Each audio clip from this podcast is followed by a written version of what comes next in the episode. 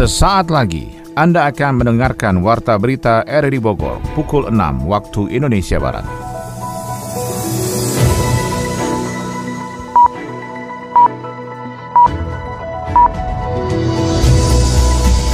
Selamat pagi dan salam jumpa. Kembali kami hadir dalam Warta Berita edisi hari ini, Selasa 10 Januari 2023. Siaran kami bisa Anda dengarkan lewat audio streaming di RRI Play dan bisa Anda dengarkan juga di audio on demand di Spotify, Anchor, Portal, dan Google Podcast. Berita utama hari ini adalah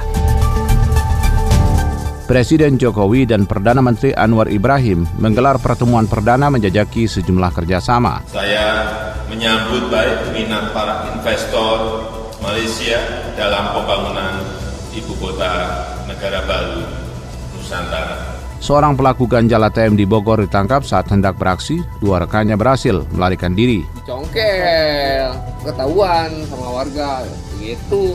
Dua kabur loncat, itu sempat ribut dulu sama anggota. Timnas Indonesia gagal melaju ke final Piala AFF 2022.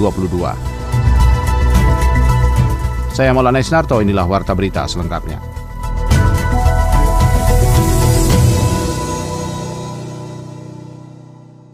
Presiden Republik Indonesia Joko Widodo dan Perdana Menteri Malaysia Anwar Ibrahim menggelar pertemuan perdana di Istana Bogor menjajaki sejumlah kerjasama seperti potensi investasi Malaysia di ibu kota negara Nusantara serta perlindungan pekerja migran Indonesia. Laporan selengkapnya disampaikan Adi Fajar Nugraha. Presiden Joko Widodo pada Senin 9 Januari 2023 pagi menggelar pertemuan perdananya dengan Perdana Menteri Malaysia Anwar Ibrahim. Kedua kepala negara dalam pertemuannya menjajaki sejumlah kerjasama bilateral, potensi kerjasama baru dan mempromosikan upaya bersama untuk mengatasi tantangan regional dan global. Presiden Jokowi menyebutkan terdapat beberapa poin hasil pertemuannya dengan Anwar Ibrahim, di antaranya kerjasama ekonomi energi, termasuk potensi investasi Malaysia di ibu kota negara atau IKN Nusantara, serta ketenaga kerjaan dan perlindungan pekerja migran Indonesia. Dalam pertemuan dengan beliau tadi, saya menyampaikan beberapa hal.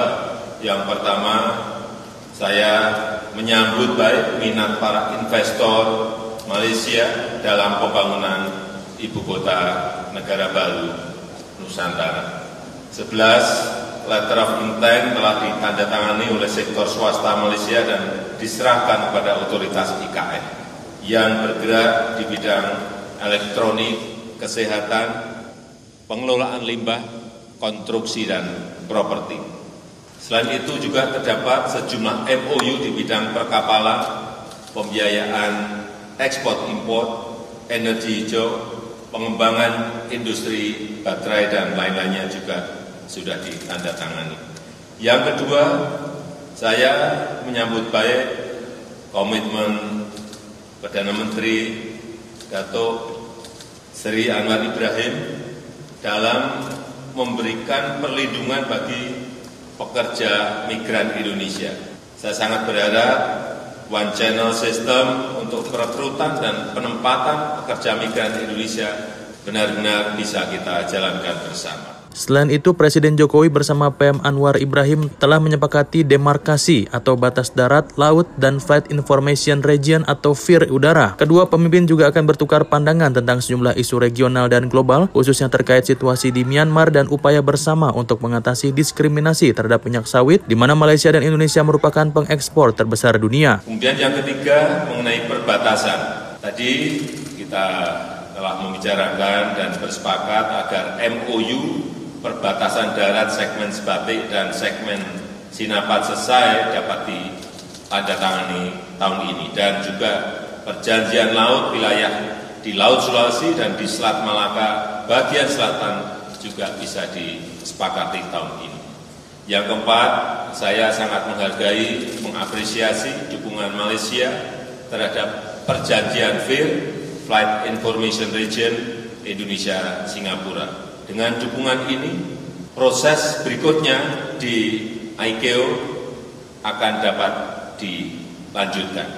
Yang kelima, kita juga tadi bersepakat memperkuat kerjasama melalui Council of Palm Oil Producing Countries, CPOPC, untuk meningkatkan pasar minyak kelapa sawit dan memerangi diskriminasi terhadap kelapa sawit. Kemudian yang keenam, kita juga sepakat untuk terus memperkuat ASEAN.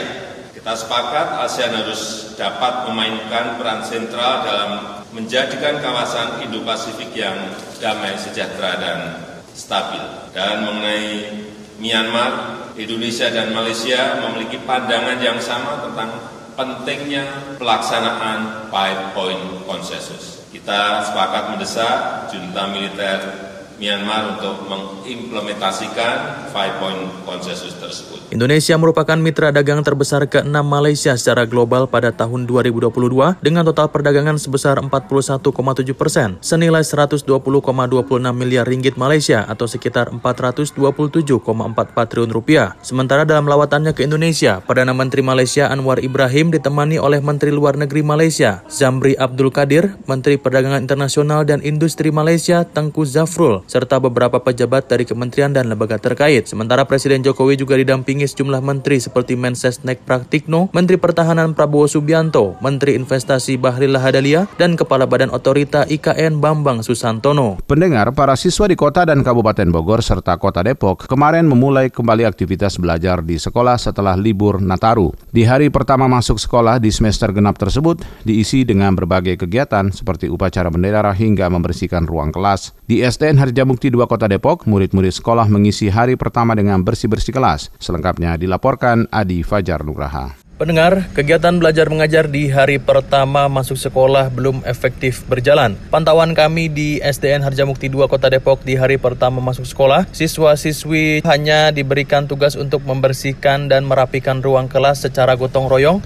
Sementara meski pemerintah juga sebelumnya telah mencabut status PPKM di Indonesia, namun di sekolah ini masih diberlakukan skema protokol kesehatan guna menjaga kesehatan dan keamanan anak-anak di sekolah. Saya sempat berbincang dengan Kepala Sekolah SDN Harjamukti 2, Ibu Lilis, tentang kondisi sekolah pada hari pertama masuk. Berikut kita ikuti wawancaranya. Hari ini hari pertama anak, masuk sekolah di tahun baru ini setelah kemarin dua minggu ya ya kalau nggak salah uh, libur. Nah, uh, mungkin bisa digambarkan Bu di hari pertama ini gimana kondisi sekolah pas anak-anak baru masuk itu?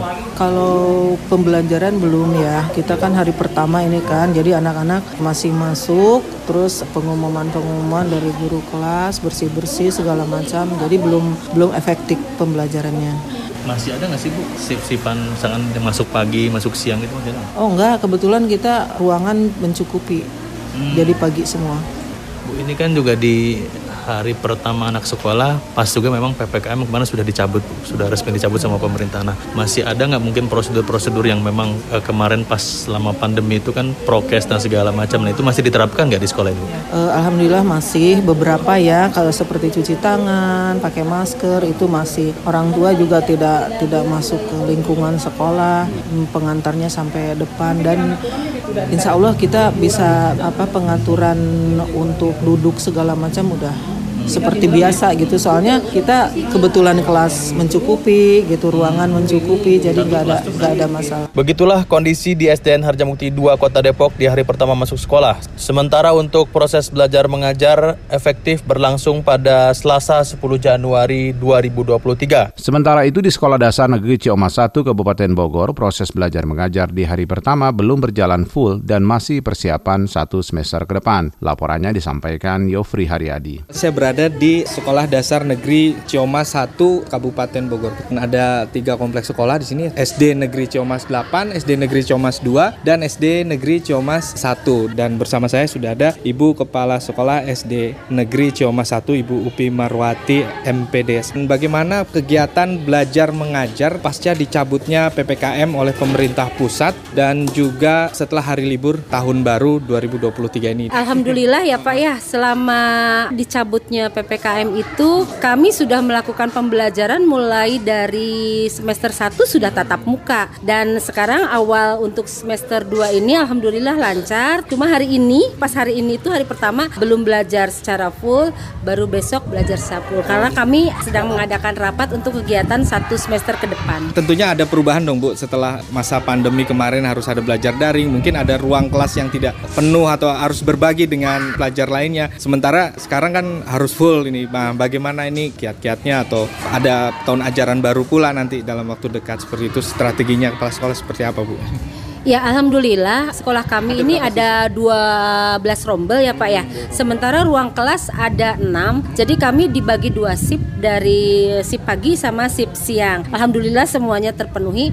Cuma pasca pandemi itu sekolah pada bocor gitu ya. Jadi pada bocor. Jadi kami kemarin liburan itu merapikan dulu kelas, membetulkan sedikit-sedikit yang bocor. Alhamdulillah sekarang sudah ya okay. sudah dibetulkan. Jadi bisa beradaptasi dong siswa yang tadinya belajar di rumah kemudian belajar di sekolah atau perlu adaptasi juga baik gurunya maupun siswanya ini? Sepertinya untuk SD Cioma 1 alhamdulillah ya putra-putrinya itu belajar biasa seperti biasa saja tidak ada kendala apa-apa. Terima kasih Ibu Upi Marwati atas waktu dan kesempatannya Kepala Sekolah SD Negeri Cioma 1. Dan itu tadi saudara pendengar bagaimana situasi dan kondisi hari pertama sekolah pasca dicabutnya PPKM dan juga libur tahun baru di Kabupaten Bogor. Di Kota Bogor, Sekolah Dasar Negeri Polisi 1 tetap menerapkan protokol kesehatan dan mengingatkan siswa-siswi tidak membawa mainan lato-lato yang bisa membahayakan. Kita ikuti laporannya bersama Sony Agung Saputra. Pendengar, saya berada di SD Negeri Polisi 1 Kota Bogor hari pertama masuk sekolah di tahun 2023. Untuk mengetahui bagaimana situasinya, di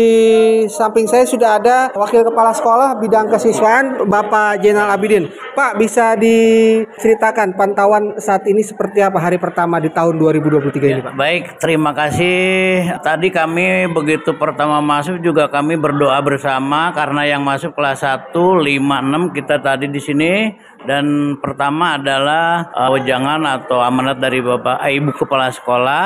Yang kedua doa bersama kita supaya semuanya berjalan dengan lancar dan itu persyaratan untuk menempuh di semester 2 ini supaya semua siap anak-anak itu ya. dan sekarang lagi viral ada mainan tik ya? lato-lato. Nah itu kita tidak boleh karena itu sangat bahaya. Takutnya kena temannya lalu boleh juga ya, ya nggak boleh di rumah boleh di sekolah boleh, tidak boleh sama sekali. Kalau ada yang bawa kami akan sita begitu pak. Nah pak ini bagaimana dengan ppkm pak? Setelah dicabut protokol kesehatan dan polanya apakah masih offline online atau seperti apa pak? Kalau secara keseluruhan kita semuanya mendukung memang tetapi untuk pembelajaran kita tetap offline semua tetapi kita tetap menjaga peraturan dari pertama mengacu tetap kita cek suhu tubuh lalu kita juga tidak terlalu uh, anak-anak sembarangan main atau mainnya tidak dan apabila ada yang kena di rumahnya silahkan di rumah tidak boleh sekolah dulu Oke. nanti kita akan laporkan ke yang berwenang yaitu puskesmas dan rumah sakit terdekat begitu alat cuci tangan ini masih ada, sedia ya pak ya? ada tersedia Betul. kita masih tetap semoga tetap ini juga mohon maaf ya, ya sanitizernya kita selalu Baik. siap, anak tetap jaga karena di DKI kan masih ada ya, ya walaupun betul. sudah di itu kita tetap menjaga. Baik, terima kasih Bapak Jenal Abidin selaku Wakil Kepala Sekolah Kesiswaan SD Polisi 1 Kota Bogor. Aku kalau sampai waktuku ku mau tak seorang kan merayu tidak juga kau Berisik Jono, ceper banget sih. Muka sangar kok bacanya puisi, so pujangga. Shh, diam Hayati. Cita-citaku ingin jadi sastrawan seperti Hairil Anwar. Emang masih ada yang baca dan dengar puisi, John? Ah, nyepelein nih. Film ADC 2, puisi yang dibacain sama Rangga, tahu gak itu karyanya siapa? Karyanya Aan Mansur. Terelie. Novelnya tuh ya diangkat jadi film tuh.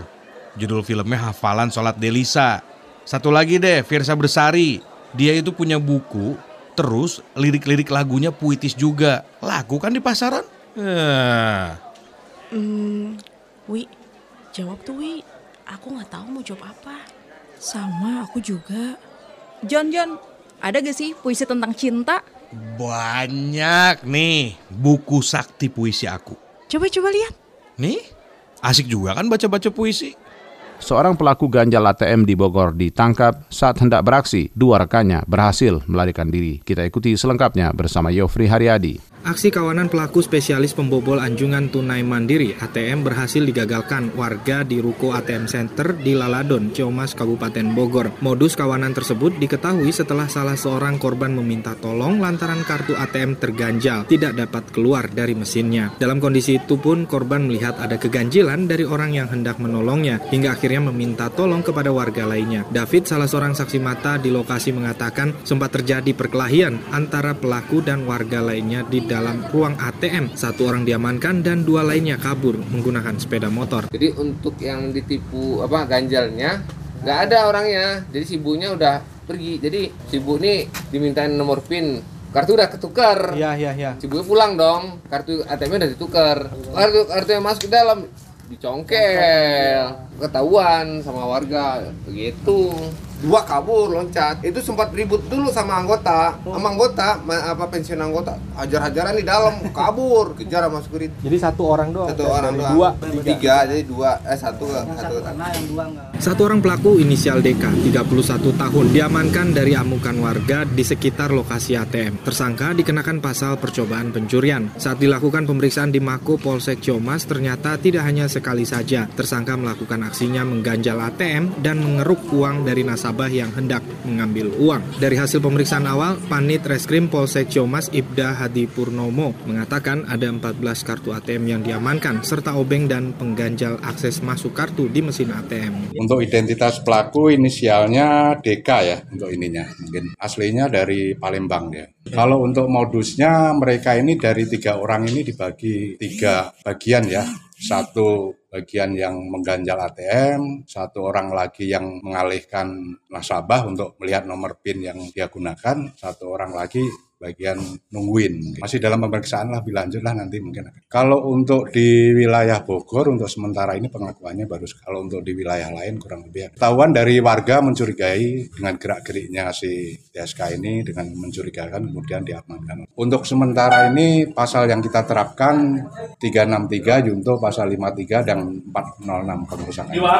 Ancaman hukuman yang di atas lima tahun ya karena udah kita tetap kita lakukan benar. Dari pengakuan tersangka, tutur Ibda Hadi Purnomo, tersangka bekerja dengan kelompok. Satu orang mengawasi situasi, satu orang berada di dalam ruang ATM, dan satu orang lainnya berada di atas sepeda motor untuk pelarian. Meski tidak berhasil menjalankan aksinya, pelaku tetap dijerat dengan pasal 363, pasal 53 tentang percobaan pencurian dengan ancaman 5 tahun penjara. Ratusan peserta panitia pemungutan suara PPS mengikuti tes Computer Assistant Test atau CAT KPU Kota Bogor. Sony Agung Saputra melaporkan. Sebanyak 556 peserta panitia pemungutan suara PPS mulai Senin kemarin mengikuti tes CAT dari KPU Kota Bogor untuk menjadi penyelenggara pemilu tingkat kelurahan. Pantauan RRI, peserta mengikuti tes dari pukul 8.30 waktu Indonesia bagian Barat hingga selesai. Ketua KPU Kota Bogor Samsudin mengungkapkan dalam pelaksanaan tes seleksi PPS itu sudah ada sedikitnya 700 pelamar pendaftar yang mengajukan diri untuk mengikuti tes melalui sistem Siakba. Setelah selesai administrasi, hanya 500-an peserta yang bisa mengikuti tes yang berlangsung dalam tiga sesi di tiga tempat yang berbeda, yakni Universitas Bina Niaga Soleh Iskandar, SMK Pesat, dan SMK Wikrama. Setelah proses PPK dilaksanakan dan dilakukan pelantikan, selanjutnya KPU Kabupaten Kota termasuk Kota Bogor melaksanakan proses seleksi untuk calon anggota PPS, di mana kami melakukan proses pendaftaran dari mulai tanggal 18 Desember sampai tanggal 2 Januari 2023. Dari 920 pelamar yang lolos tes administratif adalah 558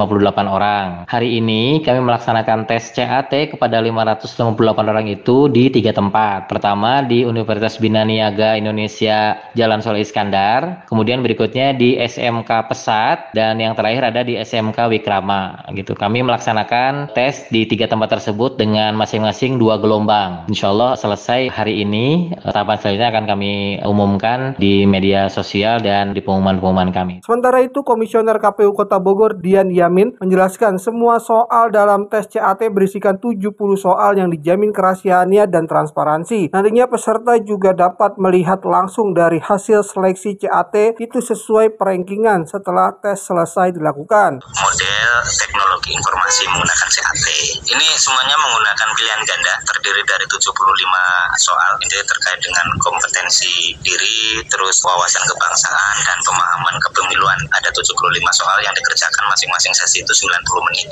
Karena kan kami menerima soal kan juga baru pagi ini dan semua soal itu terinskripsi dan kami mengupload untuk setiap sesinya itu setengah jam sebelum pelaksanaannya gitu dan nanti masing-masing peserta kan juga bisa langsung melihat nilainya masing-masing setelah selesai mengikuti tes. Hasil tes tertulis ini akan meluluskan tiga kali kebutuhan pada tiap kelurahan atau 9 orang yang mengikuti tes wawancara pada tanggal 18 hingga 20 Januari 2024 untuk terpilih tiga orang PPS per kelurahan yang akan dilantik tanggal 24 Januari mendatang. Rektor IPB mengajak kampus tidak menjadi medan politik praktis di masa depan, melainkan menjadi ruang inspirasi bagi kemajuan dan peradaban. Yofri Haryadi melaporkan. Tentang tata kelola IPB yang di antara mengatur periode jabatan rektor IPB akan selesai disesuaikan dengan masa pertanggungjawaban tahun fiskal serta pengaturan jabatan wakil rektor dan dekan fakultas dan sekolah. Masa jabatan Rektor IPB berakhir per 9 Januari 2023 yang akan kembali terisi setelah dilakukan pelantikan jabatan Rektor baru pada 18 Januari 2023 nanti. Mengakhiri masa jabatan sebelumnya, Rektor IPB Profesor Arif Satria mengungkapkan berbagai prestasi sudah banyak dicapai oleh IPB University.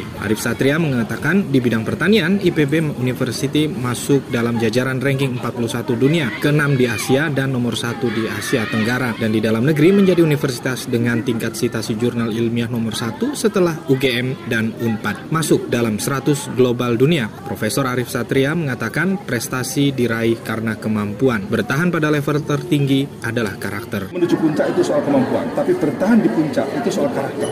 Sehingga saya mohon doanya agar kita semua yang ada di PP ini karakter semakin kuat, karakter sebagai pembelajar, terus berlatih, terus bekerja keras, ya. dan lebih penting lagi adalah tidak sekedar bertahan di puncak, tapi adalah menciptakan puncak-puncak baru. Tidak lagi bermain pada level nasional, tapi harus bermain pada level global. Baik global player, alhamdulillah kita capaiannya konsorsium riset internasional kita selama lima tahun itu meningkat dari 9 menjadi 50 dan berpartner dengan perguruan tinggi top 100 dunia dan alhamdulillah ini bisa menghasilkan sesuatu yang lebih impactful untuk bangsa kita ini.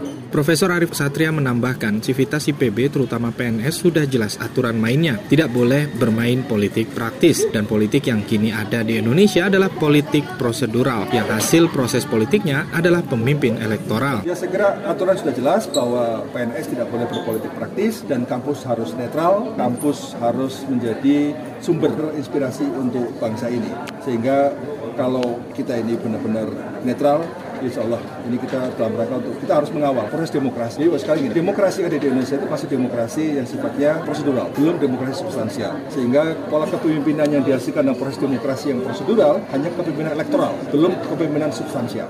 Proses demokrasi harus dikawal dengan niat yang bersih sehingga tujuan mulia dari proses tersebut bermanfaat untuk perubahan masyarakat, bangsa, dan negara yang lebih baik. Arif Satria yang akan kembali menjabat sebagai Rektor IPB pada 18 Januari itu pun berpesan agar kampus tidak menjadi medan politik praktis di masa depan, melainkan menjadi ruang inspirasi bagi kemajuan dan peradaban.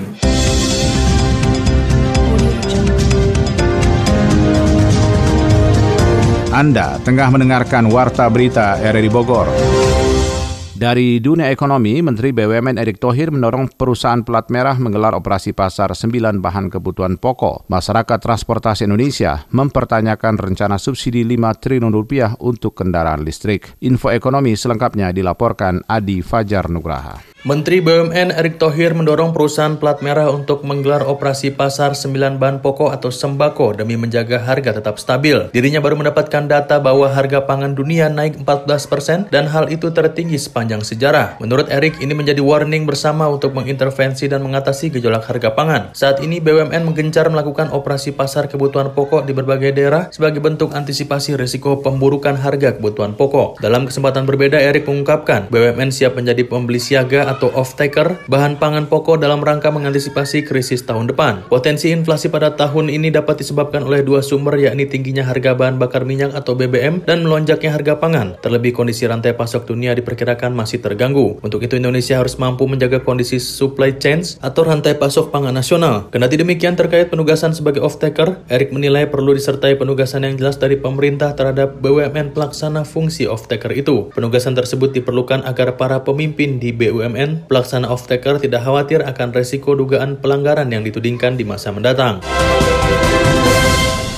Ketua Bidang Advokasi dan Kemasyarakatan Masyarakat Transportasi Indonesia MTI, Joko Setiowarno menilai rencana subsidi 5 triliun rupiah untuk pembelian kendaraan listrik seharusnya dialihkan ke pembenahan dan perbaikan transportasi umum. Menurutnya hal ini akan memberikan dampak lebih luas kepada masyarakat ketimbang subsidi dibagi ke pembeli kendaraan hijau. Pemerintah sebelumnya mengatakan telah menyiapkan dana 5 triliun rupiah untuk subsidi kendaraan listrik yang akan dibagikan di tahun ini. Porsi subsidi nilainya bervariasi mulai dari mobil hybrid dengan wacana subsidi 4 40 juta rupiah, mobil listrik berbasis baterai 80 juta rupiah, pembelian motor listrik 8 juta rupiah, dan motor listrik hasil konversi sebesar 5 juta rupiah. Joko juga mengingatkan pengalihan anggaran sebesar itu sebetulnya dapat mendongkrak nama para pejabat yang ingin mendongkrak popularitas pada tahun politik. Sebab dampak atau keuntungan yang diterima masyarakat tentu akan menjadi lebih luas karena digunakan untuk keperluan pemenahan sektor transportasi. Joko menjabarkan secara total subsidi ke perintisan sektor transportasi tahun ini memang mengalami kenaikan dibanding 2022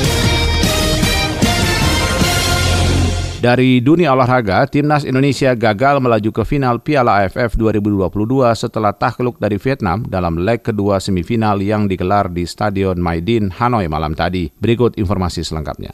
Tim nasional Indonesia gagal melaju ke final Piala AFF 2022 usai ditaklukkan tuan rumah Vietnam dengan skor 0-2 pada laga leg kedua semifinal di Stadion Nasional Maidin Hanoi semalam. Dua gol Vietnam diborong oleh penyerang Nguyen Tien Lin.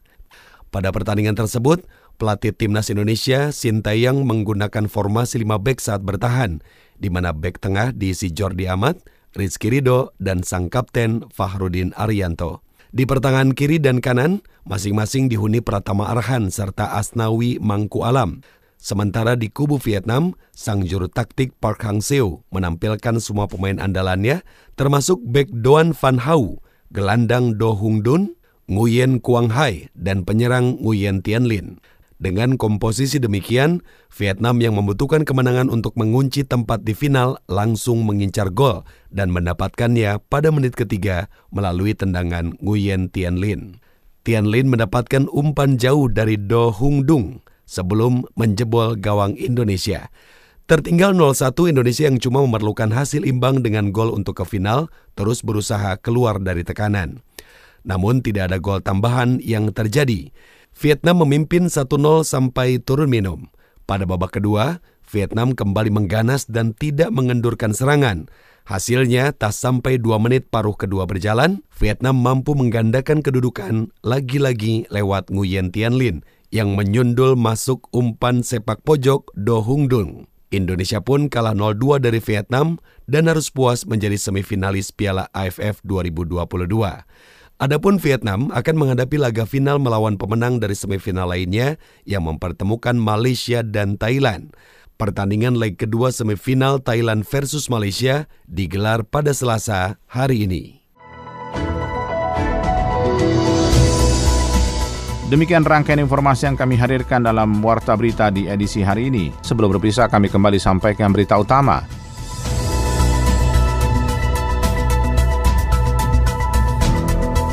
Presiden Jokowi dan Perdana Menteri Anwar Ibrahim menggelar pertemuan perdana menjajaki sejumlah kerjasama. Seorang pelaku ganjal ATM di Bogor ditangkap saat hendak beraksi, dua rekannya berhasil melarikan diri. Timnas Indonesia gagal melaju ke final Piala AFF 2022. Mewakili kerabat kerja bertugas, saya Maulana Estarto mengucapkan terima kasih. Selamat pagi.